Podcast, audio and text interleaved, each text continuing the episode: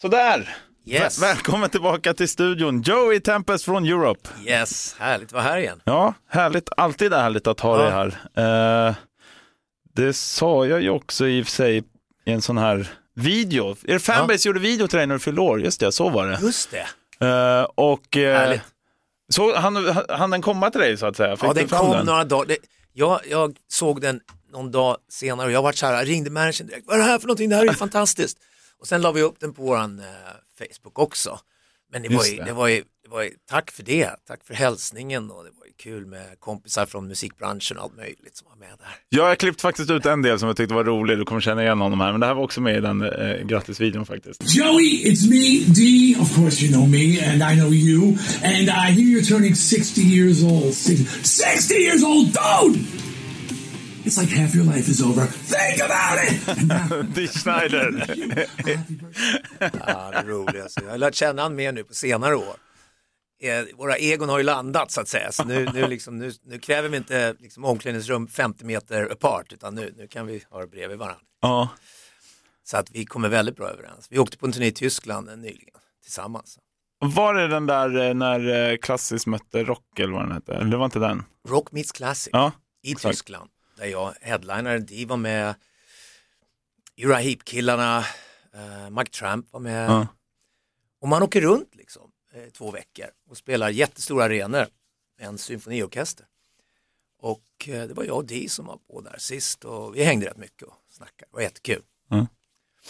Och nu kommer vi in på nutid, men jag tänkte backa bandet faktiskt ända tillbaka till din uppväxt i Upplands Väsby. Hur var det att växa upp där? Det var helt okej. Det som stod ut med Upplands Väsby var väl just det att det var många musiker där. Jag kommer ihåg när jag var jätteliten, alltså det här, är inte trehjuling kanske, men lite äldre, när jag smet ut hemifrån och gick ner och kollade festivaler som anordnades. Och där lärde man sig de första grejerna och stå bredbent och liksom bara veta hur man ska, liksom, där plockar man upp de första influenserna. Liksom. Mm. Det var något Väsbyband som hette Black Widow som jag kommer ihåg och det var något annat band också. Men det här var alltså kanske till och med när jag var yngre än tio år gammal. Så, det är så Ah. som jag smet jag ut. Jag var så intresserad för det, det fanns grejer som hände. Men sen började man i plugget och träffa Mick och träffa Norum gick i en annan skola men han stötte mig på, på när det var gig. Sådär. Då såg man WC. Jag såg WC på Upplands Väsby Folkets Park första gången. Ja. En blyg kille som kom ut så här liksom, och lirade skiten ur allt. Liksom.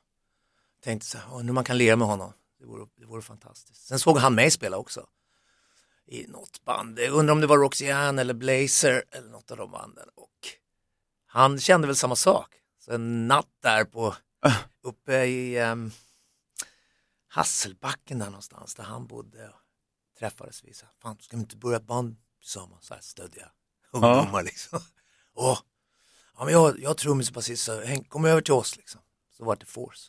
Ja, jag tänkte fråga hur det gick Ja, till. Precis. Det var ja. så. så vi, repar, vi repar nere på ungdomsgården här på Vilunda. Nere. Huh. Och eh, kom, kom dit. Så jag kom ju dit och sen eh, hade de, vi spelade lite covers och sådär Mm. först. Och tänkte så här, fan jag har ju låtar så. Ja men Norum var liksom så här, kom, kom med låtarna. Liksom. Och det är väl det som har cementerat Europe och gör att vi är här fortfarande. Norums uppmuntran till, äh, till mig att skriva. Han ville ju spela gitarr och han var liksom så här, jag, jag bara kollade på honom och lyssnade på honom. När han stod där och spelade lite som Blackmore eller som Schenker eller som sig själv. Och jag bara, wow, vilken snubbe. Och han i sin tur var ju så här, vilken låt du har skrivit, skriv mer, vi måste ha mer låtar.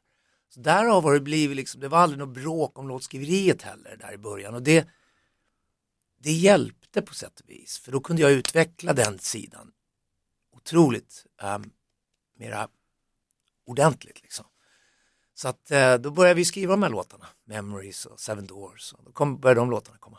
Ja. Hur, hur gör man liksom, eh, som, som låtskrivare och du har skrivit massa grymma låtar, eh, men där i början, hur, vart hittar man liksom, för det finns ju ingen liksom bok du kan läsa, så här ska du göra liksom, men, men hur liksom eh, utvecklar man sig själv eller får inspiration? Så Ja, att det är en bra fråga, för där, det är där allting börjar, hur man plockar upp de där grejerna. Mm. Det är olika källor. Många är när man åker in, eller en av källorna är när man åker in och tittar på band. Som när vi åkte in till stadion. Jag och Jompa och Jonta till exempel. Eh, John Norum och John Levén. tittade på Thin Lizzy eller, eller White Snake eller Deep Purple när de kom tillbaks och sådär. Um, där plockar man upp mycket. Um, White Snake, jag kanske sa det också. Det är en av grejerna. Där plockar man upp liksom, hur pratar de med publiken, hur rör de sig, vad, vad är det för ljus, hur ser de ut, vad har de för kläder och vad är det för låtuppbyggnad, hur, hur hanterar de publiken? Liksom. Fyllynnet lärde jag mig mycket av hur han hanterar publiken. Mm. Det här är en grej. Sen är det de här festerna som vi hade när vi lyssnade på ny musik um, tillsammans. Och man sitter och, och, man diggar en låt tillsammans och då får man den här känslan. Jaha, det här är någonting vi har tillsammans. Och så får jag genom Norum också. Han hade en eh, styvfarsa som hade en tusentals skivor och jag brukar gå upp till honom och lyssna på, kunde vara Journey, kunde vara UFO, kunde vara Lizzy. Och Norum, liksom, han kände till det, han hade lärt sig så tidigt. Så han sa, Joey, där, lyssna på det här, lyssna på det här. Och då fick jag ett par parametrar. Där, här lever jag, här kan jag skriva musik. Därav blev Europe stilen liksom och låtarna. Mm. Det, det, skulle inte sticka ut från det, utan det blev, man hittade en ställe i världen, parametrar där, här skriver jag låtarna. Mm. Och sen var jag bara hemma, skrev dag och natt. Byggde egen liten studio, borta studio, satte upp ett trumset och mickade upp det själv. Liksom. Jag var tvungen att lära mig så jag kunde visa det idéer. Liksom. Mm. Ja, coolt.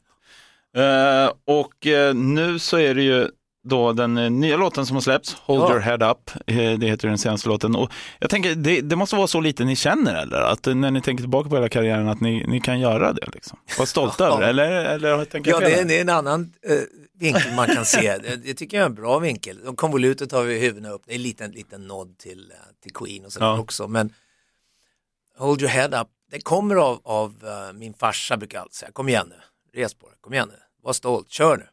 Jag körde gokart eller när jag spelade fotboll eller vad, vad som helst. Eller när jag började med bandet. Kom igen nu, någon måste ta itu med det här. Mm. Kör. Mm. och det, den texten, han gick ju bort för några år sedan så därav kom texten till. Då. Um, men uh, ja, det kan faktiskt, man kan se det så. Vi är så otroligt stolta nu, alla fem, när vi är ute. Den här turnén går så bra, det säljer ut, det, det är en annorlunda show, det är en mer personlig show. Den är uppbyggd helt annorlunda mot våra andra shower.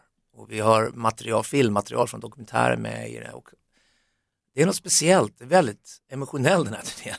det är nästan som att man håller, hålla tillbaka tårarna ibland när man tänker nu står vi här fortfarande allihop. Ja, det är fantastiskt. Alltså. Ja. Och det stöd vi har fått från Sverige och från er och det har inte alltid varit, det har varit lite rocky road med Sverige och liksom så här, om man tittar på hela tiden mm. liksom med Europe. Men nu känns det som att vi har, ja, äh, de är okej. Okay. Coolt, Euro. Det är vårt band. Ja. Och det, den känslan är helt otrolig. Ja. Men, men det, det, känns ju lite så, med risk att ha missat någonting här, men, men alltså det känns ju lite som att ni under alla år har, har gått igenom alltihopa med, med väldigt stor respekt och så vidare. Det är ju inte så att man har läst Joey Tempest i slagsmål med vakterna på Stureplan liksom. Nej, jag har inte bott i Sverige på länge så det hade varit ganska svårt. I och för sig har jag flugit hem och sen ut igen. Um, jag vet inte, vi har um, vi träffas inte så ofta utanför turnén. Det är många rockband som har hållit länge så det är så lite grann. Mm. Men man umgås väldigt mycket på turné. Och vi har ju så mycket minnen ihop så att eh, där är det. Och sen är vi ju, jag är ganska privat, privat. Så mm. jag, jag, tycker om min familj, mina barn, min fru, jag, jag, jag, vill vara med dem. Så jag är inte ute så mycket så att därav kanske man inte ser mig i pressen. Jag, tycker, jag har aldrig gillat eh, veckopress, aldrig gillat Hänt i veckan och allt det där. Jag, är med ibland av någon anledning, men det har aldrig varit ett, ett, ett mål för mig. Jag, inte för att jag tycker att det är dåligt eller någonting, det är mer för att jag, jag tycker om att vara privat när jag är privat. Men när jag är Joey, när jag är ute, då tycker jag om det också väldigt mycket. Jag har haft ett underbart rockliv. Mm. Men jag har också haft ett bra privatliv. Så att, men det har varit riktigt svårt att balansera det. Efter alla dessa år. Ja. Men ändå så har du ju lyckats. Ja, jag tycker det. Jag tycker det. Jag tycker det. Min fru pratar med mig snällt på telefon fortfarande så att det, när jag är på turné så det verkar okej. Okay. du, eh, filmen, den har vi snackat om några gånger nu här. Vi längtar efter den. Eh, det är fortfarande början av nästa år som gäller typ? Ja, ja, det är det som gäller nu. Vi har hållit på med den nu, eh, inte så länge.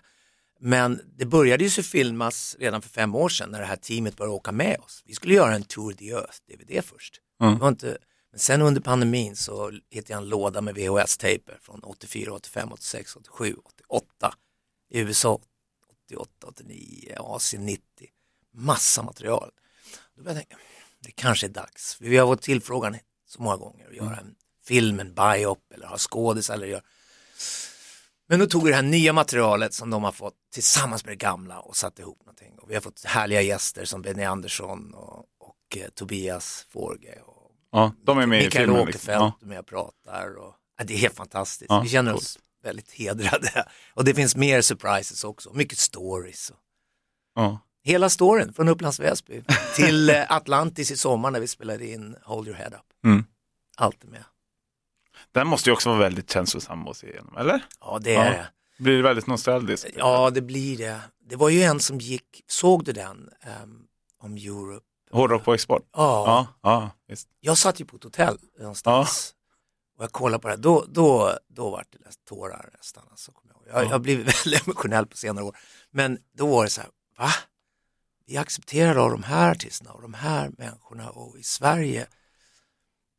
Det är helt otroligt den känslan. Ja. Och den får vi också när jag tittar tillbaka på material, på dokumentärer. Men man blir lite kritisk också. Jag kollar ljud, jag kollar hur, hur, ser- hur det ser ut och hur det är upplagt. Så- man blir lite så här kritisk kanske. Men jag tror att ibland så blir man medtagen av storiesarna, riktigt roliga grejer. Mm. Och ikväll då, Cirkus Yes. hemmaplan, sen två slutsålda gig till så man kan inte få biljetter Nej, till det här. Men nej. däremot ska jag sända live från eh, den 30 där på plats. Då kan i alla fall rocklyssnarna som inte har biljetter följa med lite där i tanken. Okej. Eh, men eh, det blir Cirkus, tre gig Mm. och hela turnén är väl lite så att ni har haft lite sådana eh, venues så att säga som Ja. ni spelar på. Det är lite speciella venues. Ja. I, igår var vi på Operan i Oslo. Den, jag tror det är första riktiga rockbanden som spelar där. Coolt. Eh, det vart ju en reaktion. Sänk, sänk, sänk! Sa de det? Ja, redan på soundcheck. så att, men det var, publiken var fantastisk och det är en underbar lokal.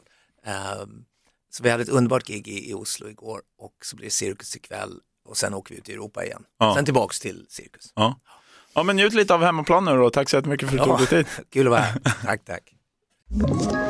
Ett poddtips från Podplay. I fallen jag aldrig glömmer djupdyker Hasse Aro i arbetet bakom några av Sveriges mest uppseendeväckande brottsutredningar.